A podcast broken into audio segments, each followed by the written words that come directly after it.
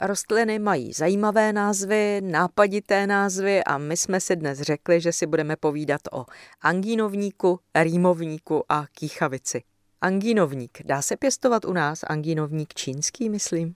Anginovník čínský se pěstovat dá, dokonce už teď je přeřazen do rodu iris k ekosacům, takže eh, ano, roste venku, na suším místě se dá pěstovat, jedlé jsou z toho, nebo používají se z toho listy, ale v každém případě to pálí. Někoho trošičku, když to rozvíká, a někoho pálí podobně jako papriky ostré. Takže je to podle vnímavosti. Rýmovník v zahradě nemůžete mít, ale angínovník ano. Angínovník můžete pěstovat volně v půdě anebo i v nádobách, jak budete chtít. Množí se semeny a rostliny se rozrůstají, dají se trhat na jednotlivé růžice. Ivan Dvořák pokivuje, že jsem to řekla správně. No a ten rýmovník, ten tedy pěstujeme jako pokojovku. Rýmovník, máme jich spoustu těchto těch rýmovníků, nebo vlastně molic kolem sebe, všechny voní. Ty listy, ta vůně pomáhají proti chrapotu, pomáhají proti rýmě a dokonce se z nich dělá i syrup. Pil jsem ho, nevím, jestli funguje, protože obecně nemám problémy takovýhle, ale docela mi to chutnalo a řekl bych, že to můžou přijímat dobře i děti. Je to těžké pěstovat ten rýmovník nebo je to jednoduché naopak? No to jsou snad nejjednodušší napěstování rostliny, který znám okolo sebe. Cokoliv upadne na zem, ať lístek nebo třeba kousek rostliny, když to občas dostane vodu, tak vám to zakoření. Dá se řízkovat v létě, v zimě, prostě pořád.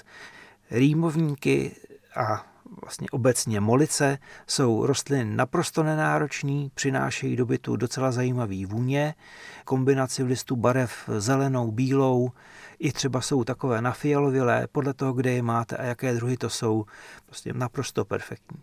To, o čem jsme zatím mluvili, angínovník, rýmovník, to se dá zbaštit, ale kýchavice, ta ne. No kýchavici určitě ne, já ji znám z botanické zahrady, tam jsme měli tu klasickou Veratrum album, kýchavici bílou v jedovatých rostlinách a v oddělení Krkonoše jsme měli lobelovu, to je podruh té bílé.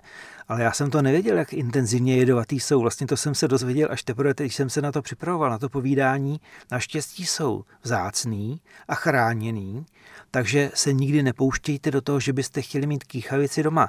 Dva gramy e, suchý rostliny vám můžou přivodit obrovský problémy a mm, lidem, kteří jsou citliví, kteří mají problémy se srdcem anebo s jinými orgány tělesnými, tak je může i zabít.